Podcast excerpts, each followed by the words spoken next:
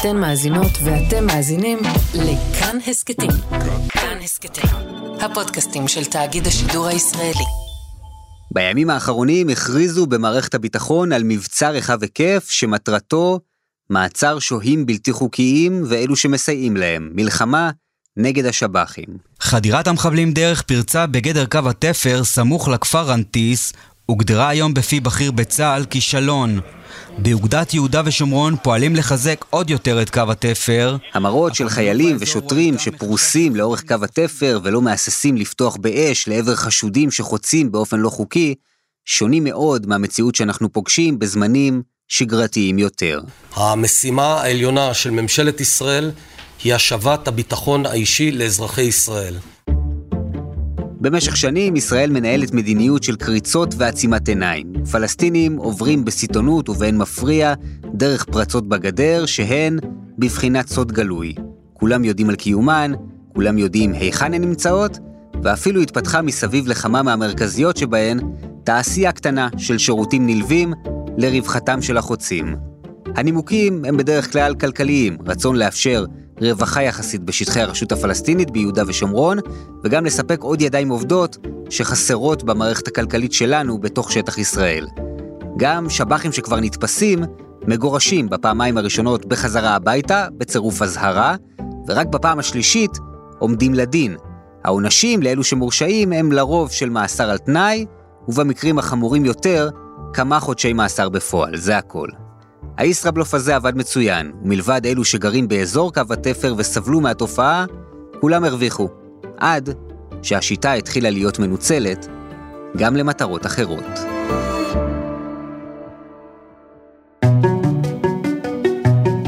היי, hey, כאן חן ביאר, ואתם על עוד יום, ההסכת החדשותי של כאן.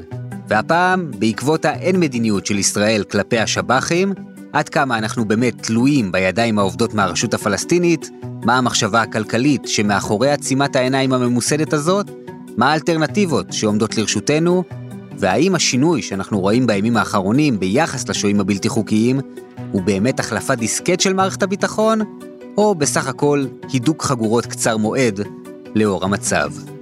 נדבר על הסוגיה הגדולה הזו משלוש זוויות, על הזווית הביטחונית עם כתבנו לענייני צבא וביטחון רועי שרון, על ההיבט הכלכלי נשוחח עם מי שחקר את התופעה, דוקטור חגי אטקס, חוקר בכיר במכון למחקרי ביטחון לאומי, וגם נביט על הדברים מהשטח או מאתרי הבנייה אם תרצו, בעזרתו של יוסף עומר, הבעלים של יוספיה, חברת יזמות ובנייה. רועי שרון, אהלן. אהלן חן. קודם כל, ספר לנו קצת על המבצע הזה של הימים האחרונים, מה הוא כולל בעצם? מבצע לאיתור שב"חים זה משהו שיש מעת לעת. אה, בדרך כלל אנחנו נתקלים בו אחרי שיש אה, פיגוע שיוצא משוהה בלתי חוקי, מפלסטיני לשוהה בלתי חוקי. ראינו את זה קורה גם בגל הטרור של 2015-2016 וגם עכשיו, כשהתחילו הפיגועים, וחלק מהפיגועים מבוצעים על ידי פלסטינים שב"חים, שהם, צריך להגיד, בשונה מפלסטינים שיש להם היתר עבודה, שזה הרבה יותר נדיר. זה כולל uh, בעיקר uh, פריסה של הרבה מאוד כוחות באזור קו התפר. קו התפר זה גדר של 430 קילומטר בערך. זה אף פעם לא יהיה כמו המכשול בעזה, שהוא קצת יותר מ-60 קילומטר. זה לא יהיה הרמטי וזה לא יהיה מכשול ב... עם חומה אינדיקטיבית בנויה לאורך ולגובה ולעומק ועם כל הסנסורים שיש מסביב כמו ברצועת עזה, הקימו אותם למטרות אחרות. את, הג... את המכשול בעזה נגד, קודם כל נגד מנהרות, אבל כמובן שגם נגד חדירות אחרות, וביהודה ושומרון, קודם כל זה מר... מרחב עצום, 430 קילומטר, חלק מזה עובר במדבר יהודה, חלק בשטחים מיוערים, כמו באזור אה, ביתר עילית, שבכלל אין שם גדר, ואיפה שכן יש גדר, אז בחלק יש גדר, בחלק אין גדר. וכשיש גדר חלק היא אינדיקטיבית, כלומר עם מערכת התראות וסנסורים וטכנולוגיות, ולפעמים היא סתם גדר, כמו שקוראים לה גדר טיפשה, כמו שעברו שני המחבלים שביצעו את הפיגוע באלעד. הם עשו, הביאו קאטר, עשו חור בגדר, כלומר יצרו פרצה חדשה, ואף אחד, ב...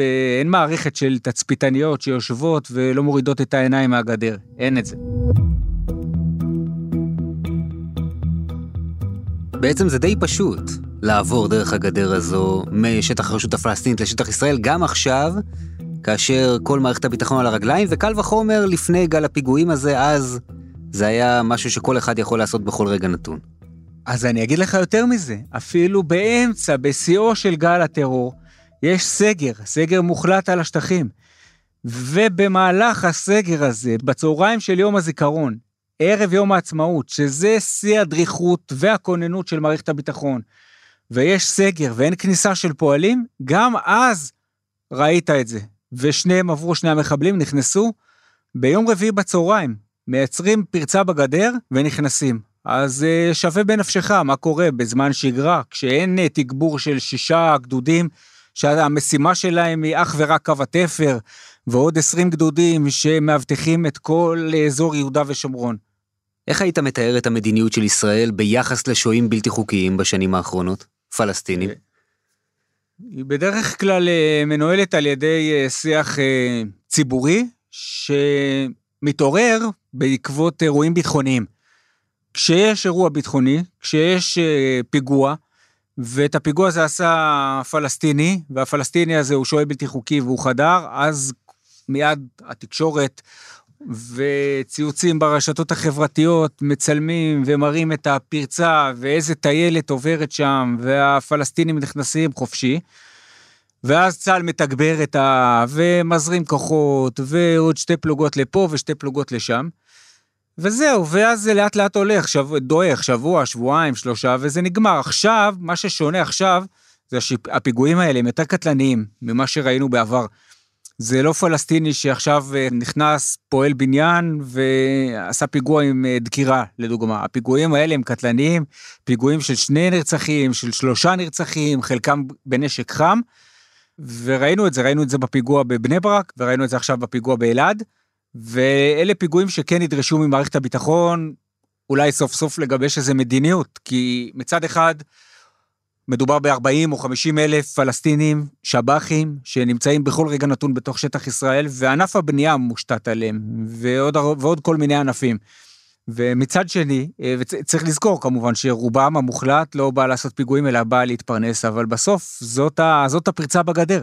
וכשיש אה, מספר כל כך גבוה של אה, פלסטינים שב"חים, אז הנה פה אחד ופה שניים ופה שלושה, והמחיר הולך ונהיה גבוה יותר ויותר מפיגוע לפיגוע, ולכן יצטרכו כן איכשהו לחשוב ולטפל. אנחנו רואים את המבצע הזה, ועכשיו יתגברו גם את המכשול, ואולי יתקנו את הגדר, אבל 100% הרמטיות אף פעם לא יהיה לך. בימים שלפני גל הטרור הזה, אתה שומע מצה"ל שיש לו מוטיבציה ורצון לטפל בתופעה הזו, שגם זה לא בסדר העדיפויות שלו. כי אני מכיר למשל מהעבודה שלי, שומע מראשי רשויות, שומע מחקלאים באזור קו התפר, שהם מדווחים לצה"ל, כאן יש פרצה, ופה פתחו איזשהו חור, ותבואו לטפל בזה, ואומרים להם כן כן, ובזה זה נגמר בדרך כלל. נכון, בדרך כלל זה לא, זה לא מטופל, זה לא בסדר העדיפויות, כי זה, זה המלכוד. כשיש שקט, אז אף אחד לא רוצה להתחיל להתעסק עם השב"חים, כי הכל בסדר, ואז כשיש פיגוע, אז uh, כולם מסתכלים, רגע, מה, יש כל כך הרבה פרצות, פה הירוקים, פה בג"ץ, פה אין תקציב, כל פעם מנימוקים אחרים, ועד שגם מתחילות כל מיני השערות על זה שאולי ישראל בכלל רוצה את השב"חים האלה, בכוונה לא רוצה לטפל או לא רוצה לעצור אותם, כי צריך אותם כדי שיעבדו, הרי מי יבנה בית בתל אביב? או, או, או מסיבות אחרות, כי זה נוח שהם ייכנסו מפרצה שאנחנו, מערכת הביטחון, יודעים איפה היא נמצאת, ולא ייכנסו מפרצה שהיא עלולה גם להיות סיכון ליישוב ישראלי שנמצא ממש על קו התפר. אין על זה ממש תשובה טובה. וצריך גם להדגיש שאנחנו מדברים פתאום על אה, ימים שבהם אנחנו רואים שיורים בשוהים בלתי חוקיים שמנסים לעבור את הגדר, זה רחוק מאוד מהמדיניות שגם אנחנו כאן בצד הזה של הגדר וגם הפלסטינים בצד השני היו מורגלים בה. שמע, מדי פעם, כן, אנחנו שומעים על מערב של, אה, של כוח צה"ל, כשמגיע הפלסטיני לגדר והוא גם גורם נזק לגדר, אז לפי הוראות פתיחה באש אה, יש נוהל מצע חשוד, יורים לאוויר, אחר כך יורים לרגליים. אבל זה, זה גם נכון שעכשיו הרבה יותר, אה, הרבה יותר מתוח, הכל הרבה יותר רגיש, וכוחות צה"ל שנמצאים על הגדר עכשיו מבינים שפלסטיני שמנסה עכשיו לחצות את הגדר, הוא יכול להיות זה שעושה את הפיגוע עוד שעתיים במרכז הארץ, ולכן בכל מחיר הם לא ייתנו לו להיכנס לשטח ישראל. רועי שרון, תודה רבה. תודה, חן.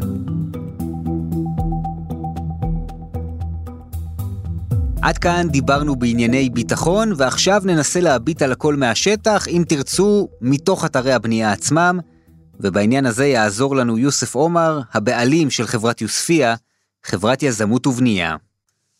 יוסף עומר, שלום. ברכה. כמה שנים כבר בתחום? 25 שנה. ותגיד שאתה שומע בימים האחרונים על אותו מבצע של מערכת הביטחון ללכידת אה, שוהים בלתי חוקיים וסייענים שלהם, מה הדבר שרץ לך בראש? אה, אני צוחק לצערי הרב, ומה שקורה שמדינת ישראל מפספסת אה, פעם אחר פעם לטפל בנושא הזה מהיסוד.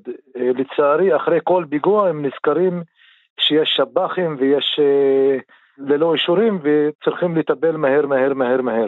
אני מאמין שזה ייקח כמה ימים וישכחו את זה כמו כל פעם. מה בעצם המצב בשטח? מה המקום של שוהים בלתי חוקיים בעולם העבודה, בעיקר בתחום הבנייה? תשמע, העובדים בגדה מחולקים חצי חצי חצי, נכנסים דרך אה, אישורים חוקי, יש להם אה, אה, היתר כניסה, יש להם תלוש, המדינה גם מרוויחה מזה, ויש את החצי השני שנכנסים דרך הפריצות מהגדר, והם עובדים בשחור. רוב האתרים מלאים באנשים כאלה, הם עובדים אה, כמובן ללא זכויות, ומה שקורה עכשיו, ברגעים האלה אף אחד לא מגיע כי הם מפחדים. אבל אני חושב צריכים לטפל בנושא הזה בדחיפות. א', לסגור את כל הבריצות. דבר שני זה לפתוח לעוד אלפי פועלים להיכנס, כלומר לאפשר לפועלים לעבוד חוקי. גם ככה המדינה תרוויח, וגם אנחנו הקבלנים נרוויח שאנחנו נעסיק פועל ונשלם לו בצורה חוקית והתשלום שלו הוא, הוא, הוא נכנס כאילו להוצאה שלנו, ולצערי הם לא, לא עושים את זה. בעצם מי שהיום מעסיק שוהים בלתי חוקיים, קבלנים, הם עושים את זה מחוסר ברירה, הם היו מעדיפים להעסיק פועלים בהיתר? כן, הכל מחוסר ברירה, ש, שיש לך מחסור ב, בעובדים, אתה רוצה להעסיק אה, כל אדם שנכנס. אני מכיר אה, קבלנים, חברים, שמעסיקים אה, פועלים ללא היתר כניסה, כי הם אה, צריכים לעמוד בלוחות הזמנים, וכולם יודעים, תשמע, שהמשטרה היום היא מחפשת אחר הפועל שאין לו אישור כניסה, זה רק אה, בתקופה האחרונה. הם יודעים, הם יודעים שיש אלפי פועלים ללא אישור כניסה, פשוט הם מעלים המים.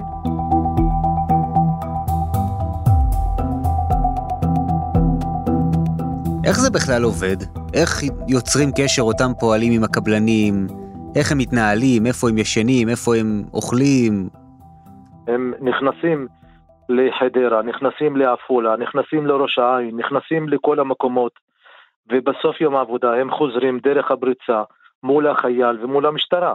כלומר, בחלק ב... מהמקרים עוד באותו היום, אפילו בלי צורך בלוגיסטיקה בתוך שטחי ישראל. לא צריך, אני אומר לך בוודאות, אם אתה תבוא לאזור אום אל-פחם, אני לא מדבר איתך על התקופה הזו האחרונה, אבל אם אתה היית אצלנו באום אל-פחם לפני חודשיים שלושה, עוברים מדי יום אלפי פועלים מול המשטרה ומול הצבא. ומעלימים עין, לאף אחד לא אכפת. בוודאי. מה ההסבר לזה? ההסבר הם שהם רצו לתת לאנשי הגדה לשנות את החיים, לתת להם כאילו כלכלה. אבל מצד שני, זה דופק אותנו בתור מדינת ישראל וגם דופק אה, את בעלי העסקים. כי אתה משלם להם שחור, גם המדינה אה, מפסידה את הכסף.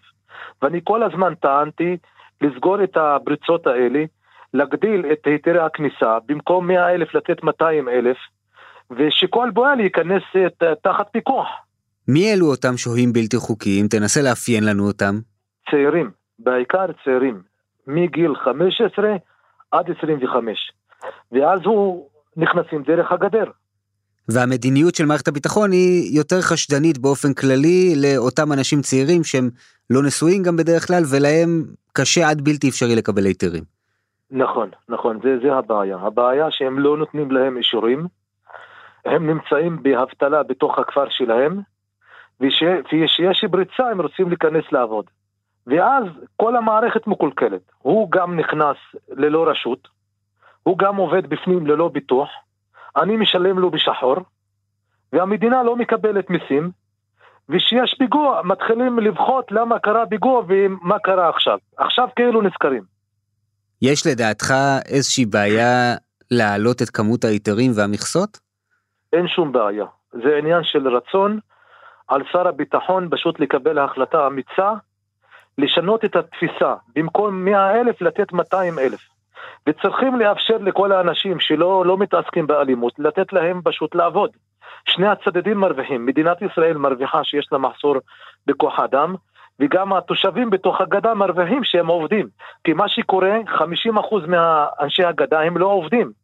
במקום לעבוד הם מתעסקים עם אלימות. הוא פותח אל-ג'זירה, מסתכל מה קורה, והוא רוצה לעשות כפי שעושים כולם. אבל אם נאפשר להם לעבוד, כל הצדדים ירוויחו. יבואו ויגידו לך מצד שני, אם נתחיל להכניס כאן בסיטונות לתוך שטח ישראל אנשים שאנחנו לא תמיד יודעים מי הם ומה מטרותיהם, זה עלול לעלות לנו ביוקר. והמצב היום הוא לא, לא עולה לכם ביוקר? אתה יודע שהיתר כניסה, הוא קיבל אותו אקס מסוים, אבל יש לך פיקוח. עכשיו, כמה אתה כמעסיק, כבעלים של חברת בנייה גדולה, בעצם נמצא במצוקה וזקוק לאנשים האלה? עד כמה, האם אנחנו יכולים מדינת ישראל מבחינת שוק העבודה שלה וגם הצורך שלה מן הסתם שתהיה פה בנייה ואנחנו יודעים שיש גם משבר אה, כלכלי ומשבר שקשור בענף הבנייה ובמחירי הדיור עד כמה אנחנו תלויים באותם אנשים שאנחנו מכנים אותם שב"חים. תשמע יש מחסור בבועלים. אנחנו בתור קבלנים בתור ענף בנייה איבדנו שליטה מה זאת אומרת יש לנו כמות גדולה לבנות בתים בתי ספר אה, תשתיות לאומיות ומצד שני אין לנו כוח אדם. ואנחנו נמצאים במלכוד. אנחנו לוקחים בניינים לבנות, ואין לך פשוט בעלי מקצוע לעבוד. ומה שקורה, שכל קבלן שחתם הסכם, הוא מסתכל בסוף על השורה התחתונה. לכן הוא מאפשר לעצמו להכניס אה, שב"חים ללא היתר, רק תתקדמו, תעבדו. וכאן הסכנה, וכאן המדינה צריכה להיכנס לעובי הקורה ולשנות את המצב הזה מהיסוד. עד כמה מה שקורה בימים האחרונים מטריד אותך מבחינה מקצועית לגבי פרויקטים שאתה יודע שצריך אה, להשלים ולמסור אותם בזמן, עד כמה זה ישפיע על העבודה שלך? זה משפיע, אנחנו נמצאים כבר בביגור. כי אנחנו נמצאים בתוך מצב, היינו בתוך הקורונה והיינו אה, אחרי המלחמה לפני שנה ועכשיו אנחנו נמצאים בתקופה גם בעייתית, הכל משפיע. אתה נמצא בקשר עם אנשים שהם שוהים בלתי חוקיים שמורגלים לבוא לעבודה בישראל? שומע משהו? כל יום. מה כל, הם אומרים כן. לך ב- בימים האלה? רוצים לעבוד. מתקשרים אליי עשרות אנשים, רוצים לעבוד, ואני שואל אותם, יש לכם היתר? אומרים לי, אין לי היתר, ויש תופעה חדשה שהוא היתר, הוא מזויף. כלומר זה שוק שחור כזה שהתפתח מסביב לעובדים הלא חוקיים. והמדינה יודעת עליו. יודעת עליו בוודאות. מה עוד? איזה עוד שירותים בעצם צריכים לספק ו- והתפתחו כאן מסביב לתעשיית מעבר הגדר הזו? א', יש תעשייה מאוד גדולה, יש קבלני משנה, יש קבלני הסעות, יש uh, היתרים, לדוגמה, התקשר למישהו מג'נין לפני יומיים, אומר לי, אני יכול להשיג לך 20 בועל לאתר מסוים דרך uh, היתרים מזויפים. ושאלתי אותו, מה זה היתר מזויף? הוא אומר לי, אתה לא תרגיש כלום. ורואים שיש בו תעשייה גדולה. נכון שעכשיו מדברים על זה, אני מאמין שהם ישכחו בעוד יומיים שלושה. כלומר לדעתך הזיכרון שלנו קצר ומהר מאוד הכל יחזור לקדמותו? מאוד קצר לצערי. אתה לא מתאר לעצמך כמה הוא קצר. עניין של ימים. יוסף, תודה רבה על השיחה הזאת. על לא דבר, להתראות.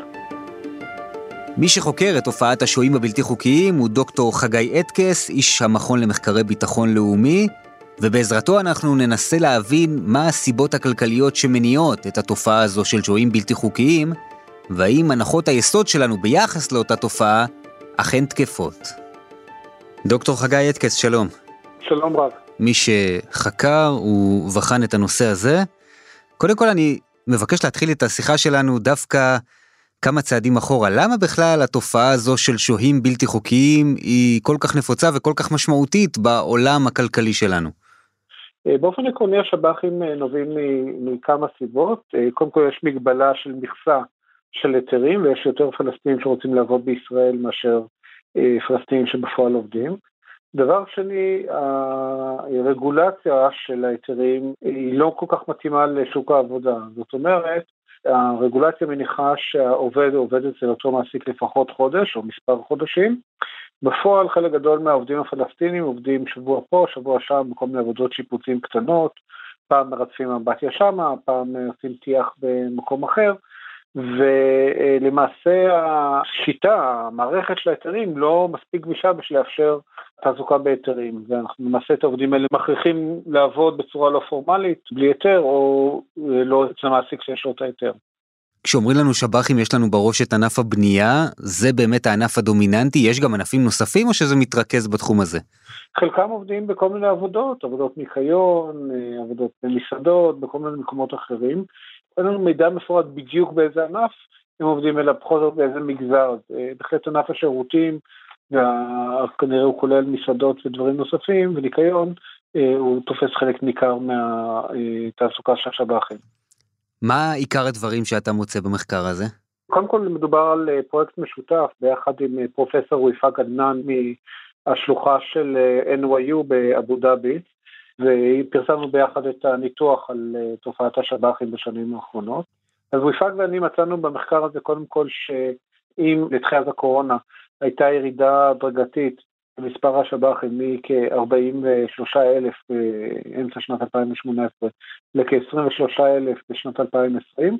לאחר פרוץ הקורונה בהתחלה הייתה ירידה במספר השב"חים, אבל מהרביע השלישי של 2020 אנחנו רואים עלייה ולסדר גודל של 40 אלף אה, אה, עובדים בלי היתר אה, בשבוע החל מהרביע השלישי של 2021. איך אנחנו יכולים להסביר את הנתונים האלה? קשה בדיוק להגיד, להצביע על סיבה אחת שמשפיעה על זה, אבל אפשר להצביע על סיבות אפשריות.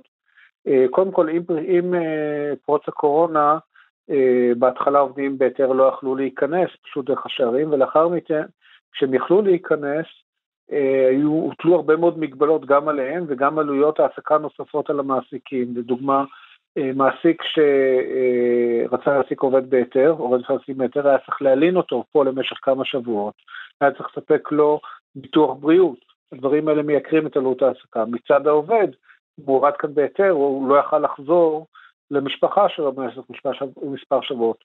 לעומת זאת שב"ח, מהעובדה שהוא היה תחת רגולציה, נכנס ויצא מתי שהוא רצה, דרך הפרצות, ויכל לראות את המשפחה שלו וכולי. לכן אנחנו רואים ממש, במקביל לעליית עלות ההעסקה של עובדים בהיתר, רואים גידול אה, בשכר אה, של שב"חים, ממש בתחילת הקורונה, וזה מצביע על הסטה של הביקוש הישראלי מהעסקה בהיתר להעסקה אה, בלי היתר. כלומר הקורונה הביאה למצב שאנחנו רואים גם עובדים שכבר יכלו לעבוד באופן אה, חוקי, אבל מכל מיני סיבות שקשורות לסיטואציה הזו שנכפתה עלינו, בעצם מעדיפים לעבוד באופן לא חוקי. או שהם מעדיפים לעבוד באופן לא חוקי, או שהמעסיקים שלהם מעדיפים לא לשלם את העלויות הנוספות של העסקה בהיתר בזמן הקורונה. עכשיו אנחנו רואים ממש בשטח את המציאות הזו, בין היתר אתה בוחן תצלומי אוויר, ושם אתה רואה את כל הלוגיסטיקה שנבנתה מסביב לצורך הזה להעביר עובדים מצד אחד של הגדר אל הצד השני. אז uh, קיבלתי מספר תצלומי אוויר שמראים כיצד בשנת 2021 אה, במספר מקומות שדות uh, פשוט הפכו להיות uh, מגרשי חנייה ענקיים למכוניות של שב"חים, וליד מגרשי החניה האלה ניתן ממש לזהות בקלות את הנתיב שהעובדים היו הולכים ועוברים על הכביש אה, שצמוד לגדר. אז ממש אפשר לראות את ההתפתחות של תופעת השב"חים מעדויות בשטח אה, באמצעות תצלומי אוויר. אנחנו מדברים מצד אחד על נושא שיש בו תנודתיות רבה באופן טבעי והוא מושפע מהמצב הביטחוני, מצד שני, לפחות בכל מה שנוגע לענף הבנייה, שזה אה, ענף מרכזי שבו עובדים שוהים בלתי חוקיים, הוא גם מאוד רגיש לנו הישראלים, אנחנו יודעים מה קורה עם כל הנושא של מחירי הדיור, יוקר המחיה וכיוצא באלו. עד כמה אנחנו אה, בכלל יכולים להרשות על עצמנו שלא להסתמך על שוהים בלתי חוקיים ולנסות באמת לדחוק אותם החוצה מהעבודה כאן בישראל? אני, אני לא כל כך שותף להערכה שהכניסה של עובדים אה, הבלתי חוקיים אה, מטיבה עם הכלכלה הישראלית, יכול להיות שהם מספקים קצת צרכים של, אה, בעיקר בתחום השיפוצים או וכולי, אבל צריך לזכור שהם עובדים עם אה, מעסיקים שנמצאים בכלכלה השחורה. מי שמעסיק שב"ח הוא בדרך כלל משלם לו במזומן, בדרך כלל מקבל את התשלומים שלו מהלקוחות במזומן, ובעצם האפשרות שנפתחה בפני שב"חים בעצימת עין של אה, גורמים שונים במערכת ואפשרה להם להיכנס לישראל, תרמה דווקא לכלכלה השחורה בישראל, ואני לא בטוח שזה דבר חיובי מבחינת הכלכלה הישראלית בכלל. אז למה בעצם אנחנו רואים את עצימת העין הזו מצד מערכת הביטחון, מצד בכלל המדיניות של ממשלות ישראל? אתה לא מוצא לזה הסבר כלכלי מעבר לשאלות הביטחוניות? הרושם שלי שהם בעיקר מסתכלים על ההיבטים הביטחוניים, והם מניחים שכניסת עובדים אה, בלי היתר מכניסה כספים לתוך הכלכלה הפלסטינית, כמו שנכון, אה, ומייצרת את השטח, זה כבר אה, הערכה שלהם, ולא יודע אם זה נכון או לא נכון.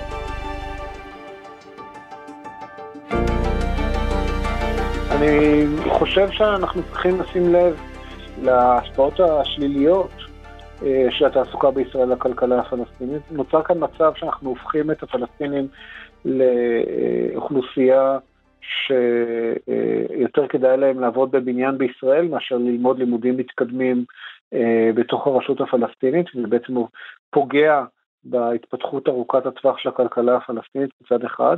השפעה שלילית נוספת היא ההשפעה של עליית השכר בתוך הרשות הפלסטינית, בתוך הכלכלה הפלסטינית, בגלל האפשרות לעבוד בישראל, וזה פוגע בעסקים בתוך הרשות הפלסטינית, זאת אומרת זה פוגע ביכולת לייצר בתוך הכלכלה הפלסטינית.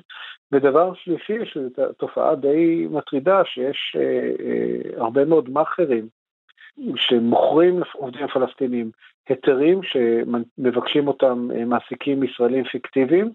אה, לאחרונה רשות ההגירה והאוכלוסין התחילה לפעול נגד התופעה המכוערת הזאת, אבל עדיין מדובר על אה, תופעה בהיקף מאוד גדול, וכמעט 45% מהעובדים שיש להם היתר קנו את ההיתר שלהם תמורת כ-2,500 שקל בחודש.